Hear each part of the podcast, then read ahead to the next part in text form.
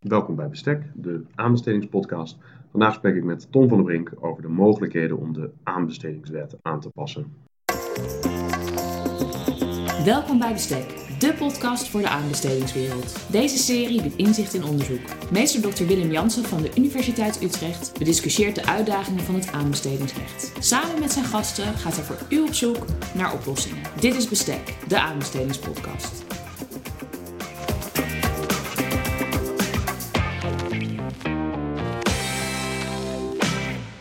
Wat als een Europese lidstaat besluit om de aanbestedingsrichtlijnen anders te implementeren in nationale wetgeving dan dat er letterlijk in deze richtlijnen staat? Hoeveel ruimte heeft de Nederlandse wetgever bijvoorbeeld om op eigen wetgeving te introduceren in het licht van deze richtlijnen in de aanbestedingswet 2012? Nou, dat zijn overkoepelende vragen die vandaag centraal staan in deze podcastaflevering.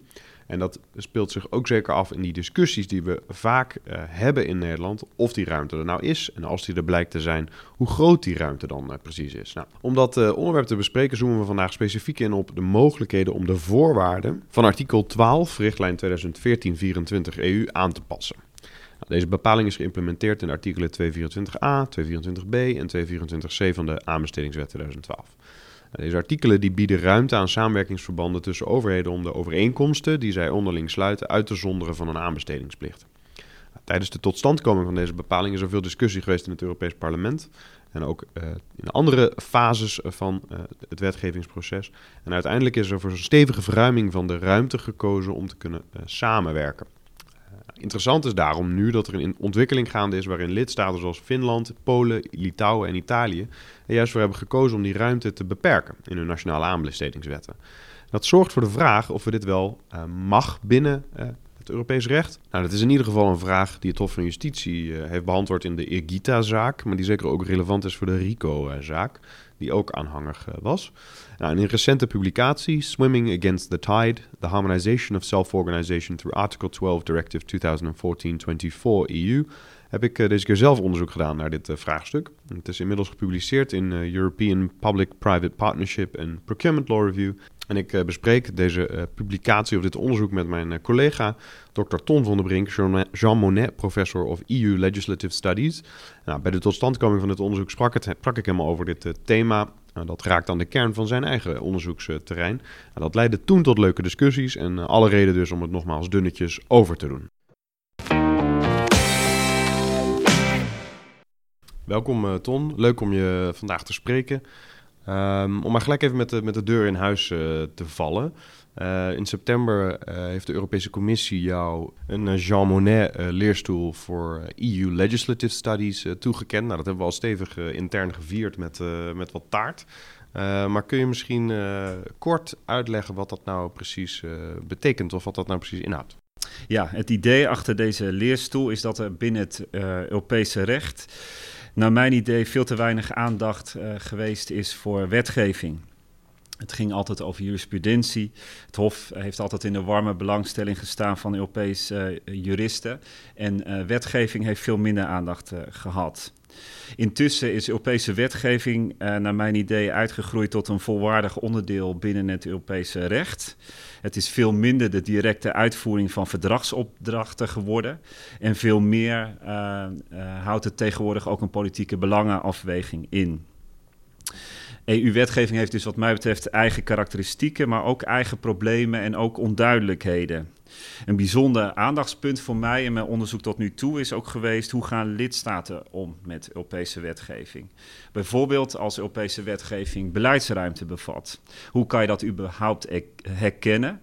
En welke mogelijkheden biedt dat vervolgens dan weer voor nationale wetgevers en ook voor uitvoerders van Europese wetgeving? Dus dat de Europese Commissie mij deze uh, leerstoel heeft toegekend, is voor mij een belangrijke erkenning. Dat het een belangrijk thema is, dat zowel in onderwijs en onderzoek aandacht verdient. Ja, ontzettend, uh, ontzettend mooi. Ik heb, ik heb niet gelogen toen ik zei dat het goed aansluit bij het thema van, uh, van vandaag. daar ben ik zelf al heel blij om. Um, stel dat je nou kijkt concreet, wat, wat betekent dat nou? Wat, wat voor projecten moet ik aan denken? En ik moest ook gelijk denken aan Brexit, waar dit natuurlijk ook een belangrijke rol heeft gespeeld. Zeker. Nou, uh, ik zal een klein voorbeeldje geven. De, de, de chair gaat eigenlijk over een heleboel activiteiten, zowel onderwijs als onderzoek. Maar een concreet voorbeeld dan uh, vanuit het onderwijs is dat ik een module ga opzetten voor masterstudenten Europese recht uh, over EU-implementatie. En daarbij ook heel nadrukkelijk naar vaardigheden ga kijken van hoe hoe ga je nou precies om als je een richtlijn uh, op je bord krijgt als wetgevingsjurist? Uh, hoe zet je dat nou uh, goed om in, in wetgeving die die richtlijn implementeert? Hartstikke, hartstikke leuk. Zeker die wisselwerking is altijd mooi hè? tussen studenten, wat je in je onderzoek doet, om dat ook met studenten te bespreken. Dus Zeker. Ik, ik, ik, ervaar dat zelf altijd als eigenlijk de leukste manier om, hoewel het ook leuk is om het met je collega's te bespreken. ik vind dat altijd wel uh, verfrissend, omdat ze op de, op de, een of andere manier toch ook nog echt andere vragen stellen dan die, die wij ons vaak stellen. Ja. De wat meer basalige vragen wellicht. Ja, en de vanzelfsprekendheden komen dan ook wat meer ter discussie te staan. Precies. Nou ja, goed. Ik, ik kijk erg uit naar uh, hoe, hoe die module zich precies uh, gaat, gaat vormgeven. Um, als we even ter introductie van het thema vandaag, laten we bij het begin beginnen. Um, als we het hebben over de ruimte die wetgevers wel of niet hebben om de aanbestedingsrichtlijnen te implementeren. Hè? We hebben het natuurlijk zeker vandaag over die aanbestedingscontext. Hoewel ik begrijp dat jouw onderzoek is natuurlijk breder. Hè? Je bent niet per se een aanbestedingsjurist, maar je kijkt naar dat concept in algemene zin. Klopt. Dan staat, dat staat er een algemene vraag centraal, is wat voor soort harmonisatie is er in een richtlijn uh, gekozen. Um, en nou, kan je misschien kort een introductie kunnen geven over dat leerstuk van harmonisatie? Misschien wat ingaan op uh, de soorten harmonisatie die er zijn. Uh, en daarnaast, um, wat voor handvatten er nou precies voortkomen uit de jurisprudentie? Of hoe, ja, stel dat je nou een aanbestedingsjurist bent, hoe kom je er nou precies achter wat voor soort harmonisatie er nou precies in zo'n richtlijn staat? Ja, belangrijke vragen, alle drie denk ik. Dus uh, ten eerste, dat concept harmonisatie is inderdaad het kernconcept om, om grip te krijgen op die vraag hoeveel beleidsruimte lidstaten nog hebben. Een oud concept is het ook. Uh, en uh, er zijn verschillende concepten uh, daarbinnen weer te onderscheiden. Belangrijkste zijn wat mij betreft totale harmonisatie en minimumharmonisatie. Dus totale harmonisatie betekent dat de Europese wetgever zelf al een uitputtende regeling van het onderwerp heeft gegeven. En daarmee is dus de vrijheid weggenomen voor de lidstaten om strengere of minder strengere, soepele normen te hanteren. Uh, dus de wetgevingen van de lidstaten na implementatie wijken dan eigenlijk materieel niet meer af van elkaar. Het is een soort eenvormig reguleringskader gekomen. Dus dat is eigenlijk het uh, reguleringskader wat de meeste duidelijkheid biedt ook. Daar staat tegenover uh, het concept van minimumharmonisatie. Uh, daar ligt dat dus duidelijk anders. Daar legt de Europese wetgever alleen een dwingend basisniveau van bescherming vast. En daarboven hebben de lidstaten vervolgens vrijheid om een, uh, een hoger niveau van bescherming uh, vast te leggen. Nu is het probleem in Europese wetgeving dat het lang niet altijd duidelijk is met welke vorm van harmonisatie je nou precies te maken hebt. Zelfs binnen één wetgevingshandeling kunnen beide vormen ook nog naast elkaar uh, voorkomen. Hè. Dus je kunt een richtlijn hebben waarbij bepaalde onderdelen uh, moeten worden aangemerkt als totale harmonisatie. En voor andere bepalingen bijvoorbeeld uh, minimumharmonisatie de conclusie zou moeten zijn. Hoe kom je daar nou achter met welke vorm je precies te maken hebt? Nou, soms kan je dat uit de rechtsbasis afleiden. De rechtsbasis op basis waarvan de wetgevingshandeling is, afge, uh, is aangenomen op Europees niveau. Ja, misschien om je kort, dus voor de aanbestedingsrichtlijnen, uh, wellicht is het overbodig, maar voor de aanbestedings is dat de interne markt, 114, ja. en de vrij verkeerregels. ja, dus daar kan je eigenlijk niet uit afleiden wat voor soort harmonisatievorm dan het gevolg is, want 114 laat zowel minimumharmonisatie toe als totale harmonisatie. Dus dan heb je nog steeds geen antwoord op op je vraag. Dus, dan moet je verder kijken. voor de aanbestedingsrecht niet, denk ik. Waar je dan naar moet kijken is uh, eerst de wetgevingshandeling zelf. Be uh, bepaalt die expliciet met welke vorm uh, je te maken hebt. Hè. Soms wordt uh, in wetgeving heel expliciet gezegd: het is de lidstaten toegestaan om uh, strengere normen te hanteren. Nou, dan weet je natuurlijk dat je dan met minimumharmonisatie te maken hebt. Maar ook dat is vaak niet het geval. Hè, dus dan is het rechtskader biedt dan niet een heel duidelijk. een duidelijke aanwijzing met welke vorm van harmonisatie je te maken hebt. Het is eigenlijk heel gek, want het is een vrij cruciale eh, cruciale vraag over de verhouding tussen de Europese wetgeving en de nationale implementatie daarvan. En dan moeten we dus volgens het Hof verder gaan kijken. Naar uh, het systeem van de wetgevingshandeling bijvoorbeeld. Hè, van welk reguleringssysteem maakt een, uh, een, een, richtlijn of een verordening deel uit. Um, of andere uh, aspecten van de, van de wetgeving. Bijvoorbeeld ook het doel van de regeling. Dat is ook een hele be, bepalende factor voor het Hof om tot de conclusie te komen of een bepaalde richtlijn of verordening nou minimumharmonisatie bevat of totale harmonisatie. Nou goed, in, die zin een uh, helder uitgelegd van iets wat eigenlijk vaak in de praktijk heel moeilijk is. Dus, dus dank, dank daarvoor, uh, Ton. Uh, we hebben dus wat handvatten, maar eigenlijk blijft dat toch nog vaak een beetje schipperen tussen rechtszekerheid en rechtsonzekerheid. Zeker. Voor, voor nationale autoriteiten, of vooral de nationale wetgever natuurlijk. Hè, ja. Want die, die moet er uiteindelijk iets mee als die implementeert. Um, en dus blijft het steeds weer zoeken naar welke gekozen harmonisatievorm hebben we hier nu precies. Um, en uh, vervolgens komt dan de vraag naar voren, mag je eigen beleid voeren? Ja. Betekent, mag je dan die wet zelf, uh, zelf uh, aanpassen?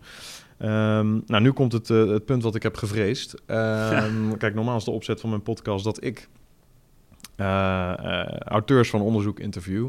Ja. Uh, maar nu gaat het vandaag over een onderzoek wat ik heb gedaan. Dus ja, daar ben ik, ik ook wel benieuwd naar. dus ik, geef, ik geef het, het, stokje graag, graag door aan jou als, als host vandaag, Tom. Heel goed. Maar geloof ik, vrees niet, um, mochten jullie op de fiets of in de auto nu bang zijn dat, dat de, de kerstverse Jean Monnet professor of EU Legislative Studies, dat hij het, het helemaal een eigen, uh, dat, dat, dat hij deze podcast helemaal overneemt. Op het einde zal ik het stokje weer overnemen, dus wees gerust. Uh, maar goed, Ton, ik geef jou graag, je hebt, je hebt mijn artikel gelezen en wellicht kwamen er wat vragen, vragen naar voren. Ja, zeker. Het begint eigenlijk al bij de titel ervan. Het gaat over zwemmen tegen de stroming in, dat integrerende aspect van, van de titel van je artikel. Kun je een paar voorbeelden geven van lidstaten die precies dat doen? Zwemmen tegen de stroming in. Je onderscheidt daarbij uh, twee categorieën. En hoe, ze, hoe die lidstaten dus in de nationale implementatie van artikel 12 afwijken van de richtlijn. Um, nou, ik zei het al kort in de, in de introductie. Hè. We hebben, uh, kijk, dit in-house en publiek-publiek samenwerken is natuurlijk, het, het, was het onderwerp van mijn proefschrift. Dus een gedeelte daarvan, daar ben ik al jaren mee bezig. Uh, dit was weer een nieuwe, uh, nieuw aspect, hè, die, die harmonisatie, dat harmonisatievraagstuk wat ik niet heb behandeld. Maar wat, je, uh, wat ik toen zag tijdens dat proefschriftonderzoek, ik heb toen het genoegen gehad om een aantal maanden lang door alle wijzigingen of alle amendementen van de, tijdens het wetgevingsproces van de richtlijnen die uiteindelijk in 2014 werden aangenomen te gaan. Uh, het was nou niet zo gezegd het leukste, leukste paar maanden van, van mijn leven. Maar het heeft wel tot in, interessante inzichten geleid. dus er waren ongeveer een paar duizend amendementen doorgevoerd. Ten aanzien van dit artikel een paar honderd.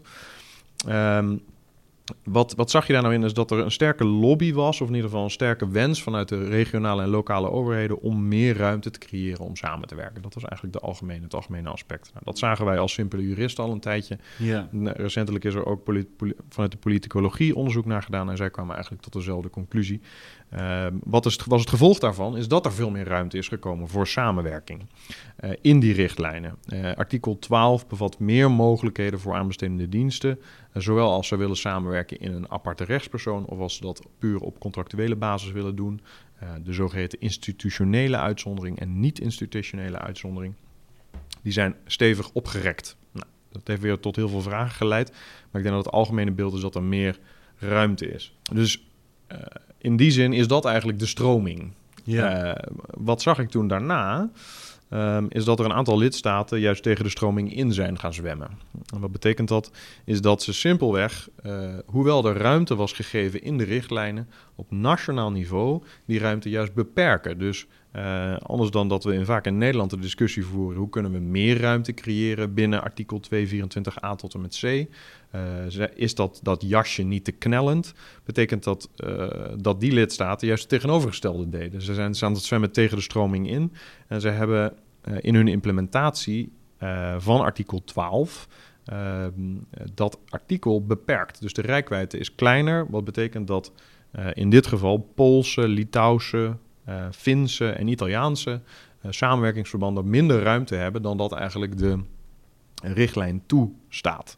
Nou, vervolgens dus de vraag, kan dat? Uh, is dat Europees rechtelijk gezien oké? Ja, dus daar, daar kunnen we zelf natuurlijk over filosoferen of dat zo is. Inmiddels zijn deze implementaties ook beoordeeld door het Hof van Justitie in de zaak Irgita. Daarnaast zijn, uh, zijn er door de Concilio di Stato ook vragen gesteld in de Rieco-zaak. Je noemde dat al even in het begin. En jij concludeert zelf dat het gaat om minimumharmonisatie van, in artikel 12. Ja, uh, klopt. Um, en voordat we de juridische analyse, of in ieder geval uh, de argumenten die ik heb gegeven, of die het Hof geeft, want het Hof heeft inderdaad inmiddels uitspraak gedaan in die Irgita-zaak, of wat advocaat-generaal Hogan in die zaak zegt. Heel kort nog even ter introductie, hoe hebben dan die, die partijen, of die, ik moet zeggen de, de wetgevers, hoe hebben die nou uh, artikel 12 beperkt in hun nationale wetten? Omdat dat natuurlijk uiteindelijk het, het, de basisvorm van dat toetsingskader. Ja. Um, ik zal ze niet alle vier bespreken, um, maar bijvoorbeeld het voorbeeld van Litouwen en Finland uh, uitlichten. In, in uh, Litouwen is ervoor gekozen om geheel geen privaat kapitaal toe te staan in, uh, de, in samenwerkingsverbanden die, die, die gebruik maken van een, de institutionele uitzondering, dus artikel 224a en 224c in de Nederlandse aanbestedingswet of artikel uh, uh, 12 lid 1 van de richtlijnen. Dus geheel geen privaat kapitaal, ook al is er wel ruimte in de richtlijnen. ik heb dat zo bestempeld als een aanpassing van een relevant criterium van die uitzondering. Maar ja. daarnaast zegt bijvoorbeeld ook de, de Litouwse aanbestedingswet... Ja, en ik citeer eventjes in artikel 10 lid 2, niet in het Litouws, maar uh, in, het Nederlands, excuus. Uh, een, een inhoudstransactie mag slechts bij wijze van uitzondering worden gesloten wanneer aan de voorwaarden van lid 1 van dit artikel is voldaan en de continuïteit, kwaliteit, beschikbaarheid van diensten niet kunnen worden gewaarborgd als ze zouden worden betrokken via de plaatsing van een overheidsopdracht. Nou, een stevige beperking. Hè? Ik, let, ik leg vooral de nadruk op die continuïteit, kwaliteit en beschikbaarheid van ja. diensten. Dat is een criterium wat aanvullend is in geïntroduceerd. Ja. Hè? De richtlijn zegt daar niets over. Nou, bijvoorbeeld ook de mededingingswet, dus niet alleen de Litouwse aanbestedingswet, maar ook de mededingingswet zegt, ik citeer weer, bij het uitvoeren van de toegewezen taken op het gebied van de regulering van economische activiteiten in de Republiek Litouwen moeten de overheidsdiensten eerlijke en vrije mededinging waarborgen. Nou, een soort van mededingingsrechtelijk ja. aspect wat opeens om de hoek uh, komt kijken. Um, nou, binnen, op basis van dit juridisch kader um, uh, ontstaat uiteindelijk die Irgita-zaak. Ja. Dan kom ik zo meteen nog wel even kort terug op Finland. Maar bij die, in die Irgita-zaak, heel kort gezegd, uh, welke vraag die speelt daar nou, is in begin 2014 wordt er een overheidsopdracht voor uh, het onderhoud van, van bossen, even uh, kort gezegd, wordt gegund aan Irgita. Een, een, een partij die actief is op de markt. In maart 2016, dus ongeveer twee jaar later, wordt eenzelfde soort opdracht voor dezelfde soort diensten ook door de, dezelfde gemeente die ook die eerste opdracht gunde, wordt gegund aan een in-house entiteit. Die voldoet aan de criteria van artikel 12. Er kon dus gebruik gemaakt worden van die institutionele uitzondering. Nou, de vraag die vervolgens naar voren komt is. Uh, want Igita was het hier natuurlijk niet mee eens, want die zag al een gedeelte van die opdracht die eerder werd gegund, zag die uh, slinken. Um, en de vraag die vervolgens speelde, kan nou Irgita gebruik maken van die andere uh, uh, criteria? Want hè, is dit niet een, een, uh, een beperking van de eerlijke vrije mededinging? Hè? Helder. Nou, wat zegt dan vervolgens het, het Hof van Justitie? Of ik moet niet zeggen het Hof van Justitie, de, de, het, de Supreme Court of de, de Hoge Raad van Litouwen. Ja. Die zegt, ja, nou eigenlijk moeten we dan daarvoor nog de vraag stellen: mogen die criteria eigenlijk wel voordat ja. je ze kan inroepen? Um, dus die zaak, daar kom ik zo meteen nog op terug. En in Finland hebben ze het weer anders aangepast. Eigenlijk een beetje hetzelfde als Polen.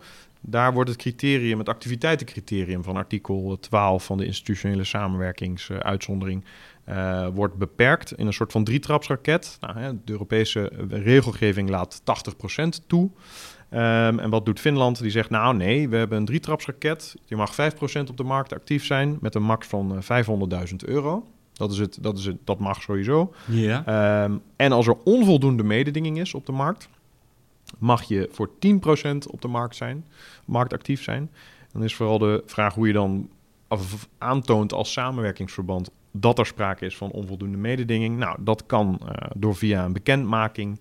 Uh, en is vervolgens de vraag, uh, als er dan na 14 dagen geen reactie is geweest op die bekendmaking, dan mag je voor drie jaar lang 10% actief zijn op de markt. Ja?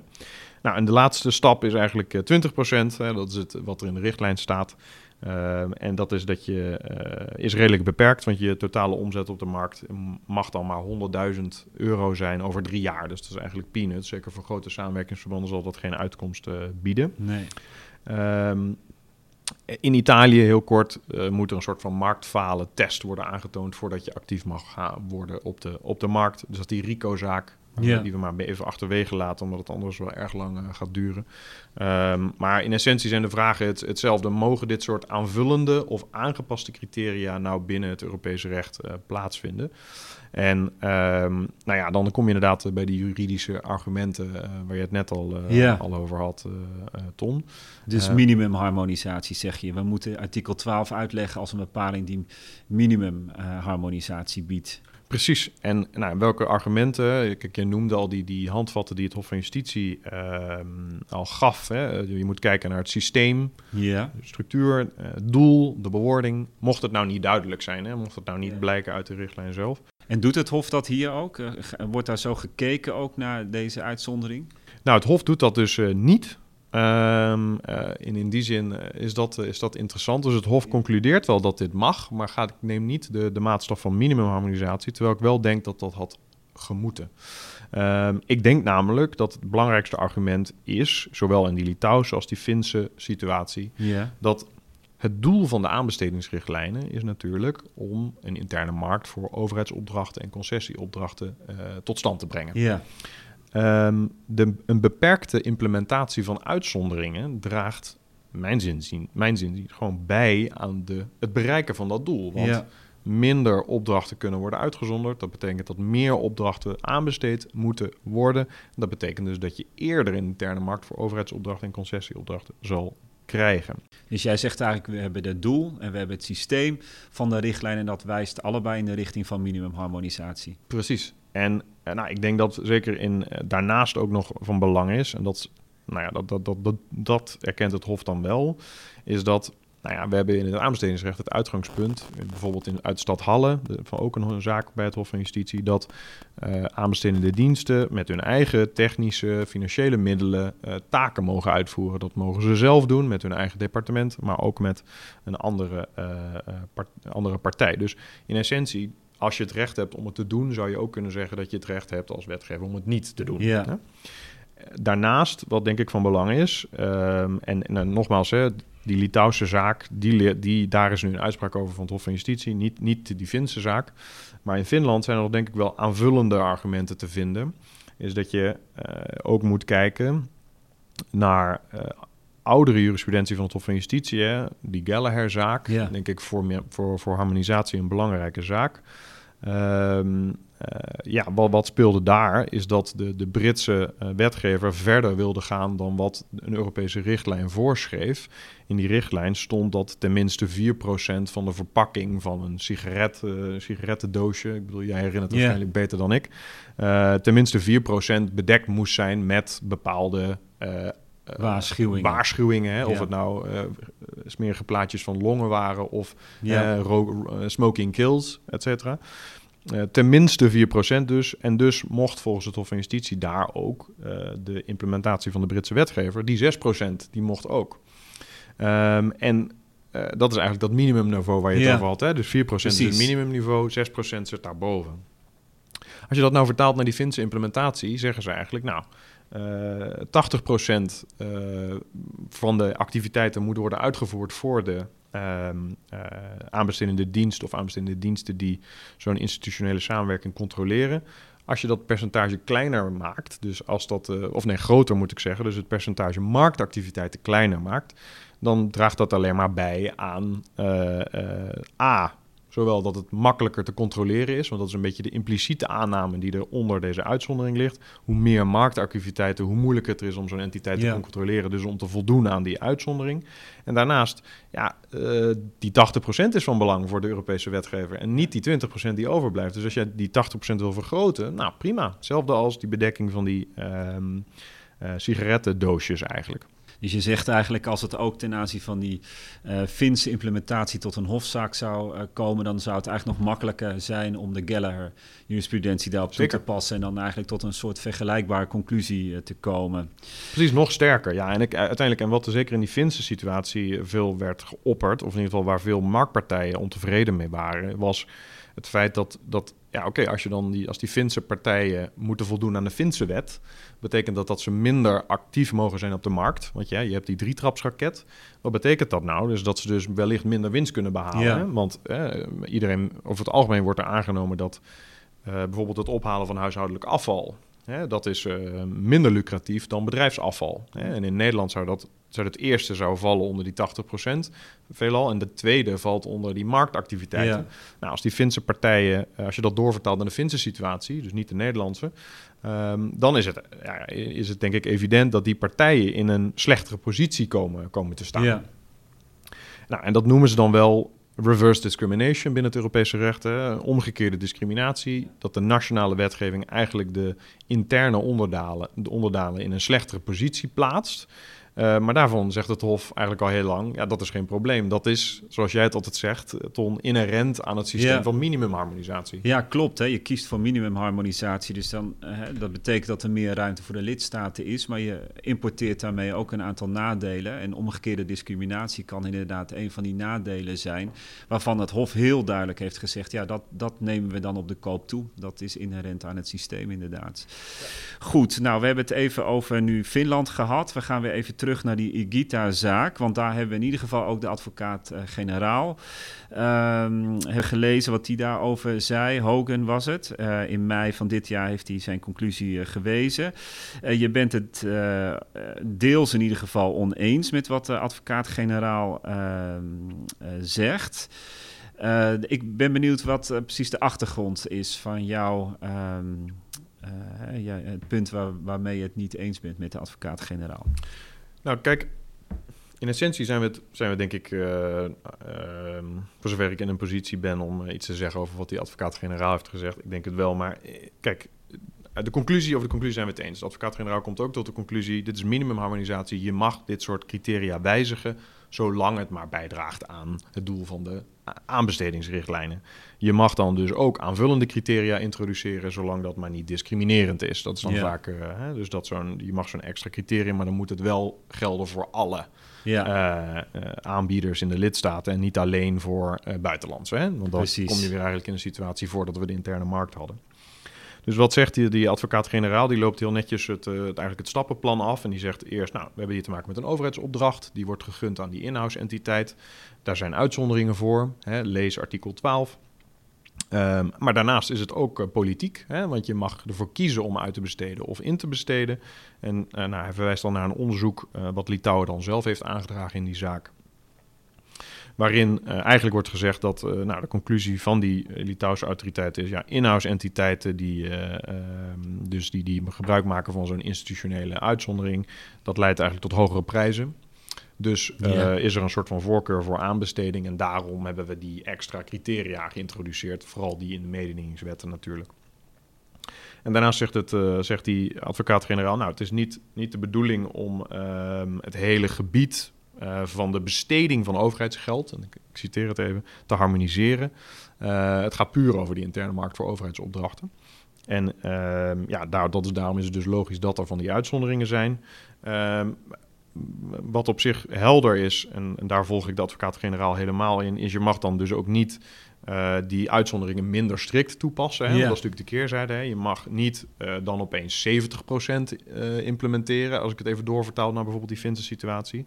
Maar 90 mag dan wel. Hè? Wat ze bijvoorbeeld ook in Polen, Polen hebben gedaan. Nou, daarmee zijn we weer terug eigenlijk bij een soort bekende argumentatie, zou je kunnen zeggen. Dat politieke argument vind ik zelf iets lastiger te volgen van de advocaat-generaal ook. Maar dit punt van minimumharmonisatie, dat is eigenlijk weer uh, heel passend bij hoe we altijd naar minimumharmonisatie hebben gekeken. Dus dat is, uh, hè, daar kunnen we denk ik goed mee, mee leven. Ja, tot zover eens eigenlijk. Dat tot zover eens. Ja, en eigenlijk ja, het punt waar wat ik niet, niet begrijp en wat ik denk dan ook niet, in ieder geval niet goed aansluit uh, bij hetgeen wat we over het algemeen aannemen van wat Europese recht is, denk ik, is het argument wat de advocaat-generaal vervolgens geeft ten aanzien van ehm, eh, het, het, het, de counterfactual eigenlijk, het andere scenario. Dus stel dat we er nou zeggen dat het niet minimumharmonisatie is, maar totale harmonisatie, dat staat er een consequentie van. En dan zegt eh, die advocaat-generaal, eh, en ik citeer eventjes, wanneer artikel 12 lid 1 een volledige harmonisatie zou vormen, zou dit betekenen dat een aanbestedende dienst een in-house transactie moet sluiten of de dienst in kwestie met eigen middelen moet verrichten. In gevallen waarin kan worden voldaan aan die vereisten van artikel 12 lid 1. Nou, dit, dit- nou ja, ik, ik, tot nu toe begrijp ik hem nog niet, deze, deze redenering. Eh, omdat ik denk dat dat eh, fundamenteel indruist tegen eh, het concept van wat een richtlijn eigenlijk Ja. is. Want een richtlijn richt zich tot de nationale wetgevers. Natuurlijk bevat die richtlijn rechten, veelal plichten voor bijvoorbeeld aanbestedende diensten. Maar eh, het is niet zo dat als je voldoet aan de criteria van een uitzondering, dat je dan ook die uitzondering moet toepassen. Precies. Je hebt altijd de ruimte om nog steeds iets zelf uit te voeren of om het toch nog aan te besteden. Ik bedoel, dat, Ja. wellicht is het soms onlogisch, maar dat is niet iets wat volgt uit totale eh, eh, harmonisatie. Zeg je nou eigenlijk ook dat de, de advocaat-generaal hier de vrijheid van de nationale wetgever verwart met de vrijheid van de aanbestedende diensten? Ja, precies. Dat is eigenlijk het hele eiereten. Want eh, kijk, die, de, de, de, de wetgever wordt beperkt door de harmonisatievorm. Maar daar, daar heeft die individuele aanbestedende dienst helemaal niets mee van doen. Die wordt beperkt door de regels die in de, in de aanbestedingsrichtlijnen staat. Omdat zeker ook die aanbestedende dienst zelf natuurlijk niet die wet kan Precies. aanpassen.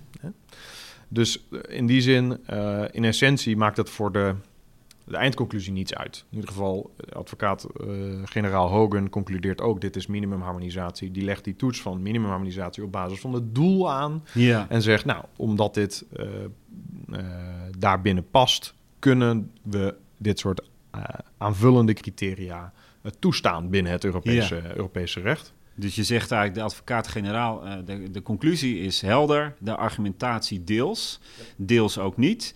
Eh, intussen hebben we ook een uitspraak eh, in deze zaak. Eh, het Hof neemt weer net een andere benadering. Kan je daar iets over vertellen en ook hoe je daar tegenaan kijkt? I- Ja, zeker. In die zin, eh, dit is dus dit, dit is een aspect dat ik nog niet, ehm, eh, of in ieder geval wat niet in die publicatie eh, staat. Nee. Daarom des te leuker, denk ik. Even voor de duidelijkheid, die uitspraak is dus eh, van 3 oktober, dus zeer Ja. recent. Precies. Ehm, en daarvoor was mijn artikel al, al af. Ehm, dus in die zin is het leuk om een klein beetje te vergelijken van wat, wat, eh, wat doet advocaat-generaal Hoven, wat doet het Hof van Justitie. Ja. En dan heel ver eh, ergens onderaan, wat doet, eh, Wat doet de Willem Jansen? jurist, Willem Jansen. Ehm, eh, nou, in, wederom eigenlijk dezelfde situatie als in, bij de advocaat-generaal Hogan. De conclusie is het mag. Eh, maar de redenering, denk ik dat daar nog wel op iets op, op aan te merken valt. Ehm, want er wordt totaal niet naar het begrip harmonisatie verwezen, wat ik al opvallend vind. Ehm, het Hof ehm, draagt wel argumenten aan om uiteindelijk tot die conclusie te komen natuurlijk. En zegt, het lijkt erop, omdat het om aanvullende criteria gaat, zijn er eigenlijk twee aspecten van belang. Het Hof benadrukt heel erg die ruimte die eh, aanbestedende diensten hebben om zelf te kiezen voor de vorm van uitvoering van, van publieke taken bijvoorbeeld. Hè. Gaan we dat zelf doen? Gaan we samenwerken of gaan we dat uitbesteden? En dan wordt vooral verwezen naar overweging 5 van richtlijn 2014-24, waarin staat dat geen enkele bepaling in deze richtlijn de lidstaten verplicht de dienstverlening waarvoor zij zelf wenst, wensen te dragen of die zij willen organiseren met andere middelen dan, eh, dan eh, overheidsopdrachten in de zin van deze richtlijn uit te besteden of out te sourcen. Ehm, en- dan zegt, zegt ook het Hof waarmee de rechtspraak van het Hof van voor deze richtlijn wordt vastgelegd. En dat is dan die stadhallenzaak waar ik het eerder, Ja. al, eerder al over had. Nou, nogmaals wordt er dan een verplichting aangehaald. Niet verplicht, niet verplicht, je mag zelf eh, kiezen. Ehm, en eh, nou, in essentie wordt dan een, een standpunt van de, van de advocaat-generaal herhaald door te zeggen van, nou ja, ook al mag je dit soort extra criteria aannemen, dan mogen ze niet discriminerend zijn. Hè. Ze moeten nog steeds voldoen aan de criteria van het, eh, van het, van, van het verdrag. Eh, vooral vrij verkeerbepalingen. Ehm, maar in essentie denk ik, volg ik deze redenering niet helemaal. Eh, en dan vooral dat eerste gedeelte. Wat ik al zei, ik denk dat dat een aanvullend argument is Ja. voor criteria die buiten de richtlijn vallen. Hè, die overweging 5 die ik net voorlas. Ehm, maar waar ik denk dat de, de, de redenering eh, vastloopt, is dat is juist een beperking van de uh, Europese wetgever. De Europese Ja. wetgever mag niet verder gaan dan eh, wat eh, hier eh, duidelijk staat afgebakend. Dat zegt niets over wat de nationale lidstaten mogen doen. Dus eigenlijk gaat dit puur over een soort van minimumniveau van bescherming, om weer even die term te Ja. gebruiken. Eh, en niet wat de lidstaten nou daarna mogen doen. Ja. Eh, dus daar eh, denk ik dat het toch zuiverder was geweest om toch te kijken naar het doel, naar, die, naar, de, eh, de- naar de structuur of het systeem Ja. en naar de bewoordingen van artikel 12. En Ja, niet dus- alleen te verwijzen naar die overweging 5 en nog wat aanvullende. Dus eh, eigenlijk een, een meer klassieke benadering van het eh, harmonisatievraagstuk was aangewezen geweest, zou jij zeggen. Hè? Ja. Want het Hof vermijdt hier de hele harmonisatieterminologie, concepten. Precies. En, en eigenlijk ook de methode waarmee dat gepaard gaat. En dat levert wat jou betreft dus een, een wat, nou niet een vreemde uitkomst op, maar wel een vreemde redenering. Eigenlijk om tot die uitkomst te komen. Ja, zeker. En in essentie, eh, nou, ik, ik zou zeker Igita lezen. Ook omdat eigenlijk het, het onderwerp eh, wat we vandaag bespreken, denk ik niet het meest spannende onderdeel was van, van deze, deze zaken. In essentie, ja, het mag dus. hè. Oké, prima. Is misschien niet zo heel spannend. Je kunt wat, eh, wat juridisch eh, eh, wat neuzen in die, in die argumentatie Ja. van het eh, Hof van Justitie. En natuurlijk is dat belangrijk, maar wat het Hof vervolgens in die zaak ook doet, en ik zal kort een tipje van de slui- sluier oplichten, ook omdat dat niet dus in dat onderzoek staat, is dat er de vraag wordt gesteld. ehm, stel nou dat er, eh, en dat is de, die, een van die, dat is prejudiciële vraag 4. Stel nou dat eh, een, een, een in-house transactie, zoals het Hof het dan noemt, voldoet aan de criteria van artikel 12. Eh, betekent dat dan dat die als zodanig in zijn geheel in overeenstemming is met het Europese recht? Dus stel je, de, er is sprake van controle, het activiteitencriterium wordt aan voldaan, privaat kapitaal niet aanwezig. eh, is dat dan een overeenstemming van, met het geheel van het Europese recht? Nou, en dan is wederom het antwoord van het Hof niet heel verrassend. Hè? Het Hof zegt nee, dat is niet zo, want je hebt ook nog andere rechtsgebieden, andere verplichtingen. Maar vervolgens doet het Hof wel, eh, en ik gooi hier alleen het balletje op. ehm, over een paar weken eh, zal er in ieder geval een, ehm, ik zeg over een paar weken, eh, binnenkort zal er een, een, een, blog van mij op het eh, How to Crack a Nut, een blog van eh, Albert Sanchez Grail uit van Bristol, Bristol University verschijnen, waarin ik wat dieper daarop inga. Maar het Hof lijkt hier eigenlijk te zeggen dat er nog een criterium is waaraan Ja. zo'n institutionele samenwerking moet voldoen. En dat is dat die niet leidt tot vervalsing van de mededinging. Nou, dat heeft grote implicaties, denk ik. Want wellicht kunnen we artikel 12 dan wel helemaal niet meer gebruiken. Want een, een samenwerkingsverband zal altijd de taart wat kleiner maken. En als die de taart niet kleiner maakt, wellicht zijn dan die marktactiviteiten wel marktverstorend. Hè? Omdat een Ja. overheid diepere zakken heeft dan die concurrenten op de markt. Nou, dat is één eigenlijk. Dus die implicaties zijn lastig te overzien van, Precies. van dit onderdeel van die uitspraak. Vergaan, als het zo zit dat er grote implicaties zijn, dan is het, eh, eh, dan is het vooral de vraag: is er nou een mededingingscriterium toegevoegd aan artikel eh, 12? Ehm, en eh, vervolgens is ook de vraag: oké, als er dan een dubbele toets gehanteerd moet worden, want wat zegt het Hof nou? Je moet ook nog steeds, ook al is nou voldaan aan artikel 12, moet je nog steeds kijken naar, eh, en ik citeer, de beginselen van gelijke behandeling, non-discriminatie, evenredigheid en transparantie. Dus ook al wordt er een uitzondering gemaakt op de aanbestedingsrichtlijnen, is er toch nog een soort van dubbele vrijverkeerstoets. Nou, voor zover dat ooit voorkomt, hoop ik maar dat dat eigenlijk een verwijzing is naar dat eerste contract wat er werd gegund in die Egita-zaak. Wat bedoel ik daarmee? Dat contract moet natuurlijk nog steeds voldoen aan de uitgangspunten van bijvoorbeeld wezenlijke wijziging, et cetera, et cetera. Terwijl die, die uitgezonderde zaak, die, die uitgezonderde gunning aan die inhoudsentiteit, ehm, dat natuurlijk niet meer hoeft te doen. Mocht dat wel zo zijn, dan zijn wederom de consequenties denk ik best wel groot. Want dan is vervolgens de vraag, hebben we dan nog wel iets aan artikel 12? Omdat je nog steeds moet gaan aanbesteden, ook al is er dus voldaan aan een uitzondering van de richtlijn. Ja. Dus die aanbestedingsverplichting komt niet voort uit de aanbestedingsrichtlijnen, maar komt voort uit die competitieve verplichtingen van het vrij verkeer. Zoals we die kennen bij bijvoorbeeld subsidies of vergunningen. Dus in die zin zeker een uitspraak eh, die eh, het lezen waard is. Al is het alleen maar over deze, dit fantastische onder- onderwerp van harmonisering, maar zeker ook die, eh, die, dat vierde onderdeel Ja. van, die, van, die, van die zaak. En tegelijkertijd blijven er dus heel veel vragen open, of komen er zelfs nieuwe vragen bij na deze uitspraak, als ik jou zo beluister. Ja, En in, in-house is een beetje de gift that keeps on giving. Ja, ja, Ik denk dat het Hof eigenlijk hier een soort van Pandora's box heeft geopend. Ja, Ehm, maar goed, daarover meer, meer in de blog. Ja, dus als we nu even verder gaan kijken naar die uh, implicaties. En dan gaan we even terug naar jouw eigen redenering, waarbij je van uh, artikel 12 hebt gezegd: de, het gaat hier om uh, minimumharmonisatie. kan je dat nou ook breder toepassen, die redenering? Wat betekent dit bijvoorbeeld voor andere thema's, zoals de aanpassing van de aanbestedingsdrempels, de afschaffing van de aanbestedingsplicht in de zorg? Denk je, dat, denk je dat het verder kan reiken dan alleen de kwestie waar we het hier over hadden? Um, nou, de toetsingskader is natuurlijk hetzelfde. Hè? Ik bedoel, dat toetsingskader wat je mooi uiteenzet in het begin, uh, dat je naar de verschillende aspecten kijkt, doel, bewoordingen, et cetera, is natuurlijk van toepassing. Uh, je zult voor individuele bepalingen altijd die toets weer moeten aanleggen in de aanbestedingsrichtlijnen. Ja. Maar bijvoorbeeld afschaffing van een aanbestedingsplicht in de zorg. Ja, ik heb het er eerder met, met Niels Unk in, in deze podcast ook overal gehad. Ja, dat zul je gewoon Europees breed moeten afspreken. Hè? Die verplichting staat ja. er gewoon. Die, die om het even in jouw termen te, te, te, te omschrijven, um, die minimumgrens is de aanbestedingsplicht. Ja. Uh, en wat je daarboven extra doet, dat moet je natuurlijk helemaal zelf weten als, als, als uh, nationale wetgever. Uh, maar daar zul je dus consensus over moeten bereiken op Europees niveau.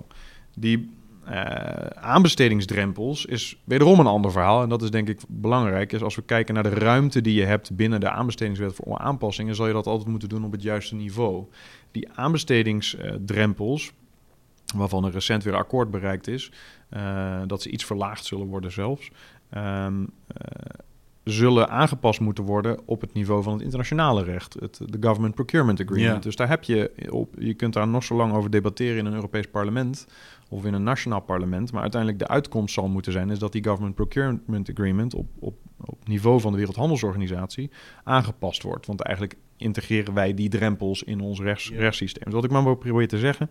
Dus uh, het concept van harmonisatie is zeker van belang. Hè? Al die criteria zijn van belang, maar je moet wel goed weten waar je uiteindelijk actie zou moeten ondernemen. Wil je meer ruimte creëren? Helder. Nou, hartstikke mooi als het helder is. Toch? Ja, zeker. Nou ja, goed. Ik ben blij dat het in ieder geval voor jou helder is. De toets, ja, het is die gelaagde rechtsorde. Ja, hè, precies. ja, om het even academisch ja, Om het academisch weer vertalen, te vertalen, uh, inderdaad. Uh, ik had beloofd dat ik het stokje toch nog over zou, uh, over zou nemen. Ja. Um, uh, ik heb het overleefd. In ieder geval tot op zekere hoogte. Ik denk het wel. Um, ter afsluiting. ik, ik ga mezelf niet die vraag stellen. Dat, komt, dat, dat, dat kunt u lezen in, in mijn publicaties of in stukjes En misschien ook in die blog die Wellicht ook in die blog. maar ik neem dus graag het roer weer over. En stel nou Ton, de klassieke eindvraag. Ehm, Stel je zou drie dingen of twee dingen mogen veranderen in de praktijk of Europese recht. Stel jij bent de, de baas van de wereld. Uh, wat, zou je, wat zou je doen? Mooi. Uh, ja, dat zal je misschien niet uh, verbazen, gelet op de introductie.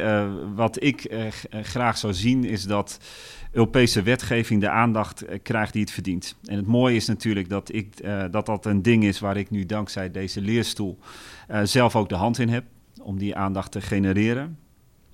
En de discussie over die aanbestedingsrichtlijnen die we eigenlijk nu net hebben afgerond, die laat uh, voor mij ook zien hoe belangrijk het is om die uh, systematische aandacht voor het fenomeen Europese wetgeving uh, te, te, te, krijgen, te hebben en te, te bevorderen ook. En ook om toch ook hele oude concepten eigenlijk, minimumharmonisatie, totale harmonisatie, het zijn eigenlijk uh, golden oldies in het Europese recht uh, op een bepaalde manier. Ik ben blij die... dat je dit aan het einde van deze podcast uh, zegt. Ja. Maar ze moeten ook weer afgestoft worden. Hè? Dus die golden oldies die zijn ook niet meer precies wat ze waren misschien. Want je ziet hoe actueel en ook nog steeds hoeveel onduidelijkheden ze oproepen.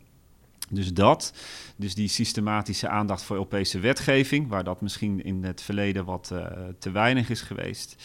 En ook wel het verbinden van verschillende onderdelen van het Europese recht. Dat zie ik ook nu naar aanleiding van dit gesprek uh, weer duidelijk op mijn uh, netvlies. Het Europese recht is ontzettend breed geworden, in de laatste decennia al natuurlijk.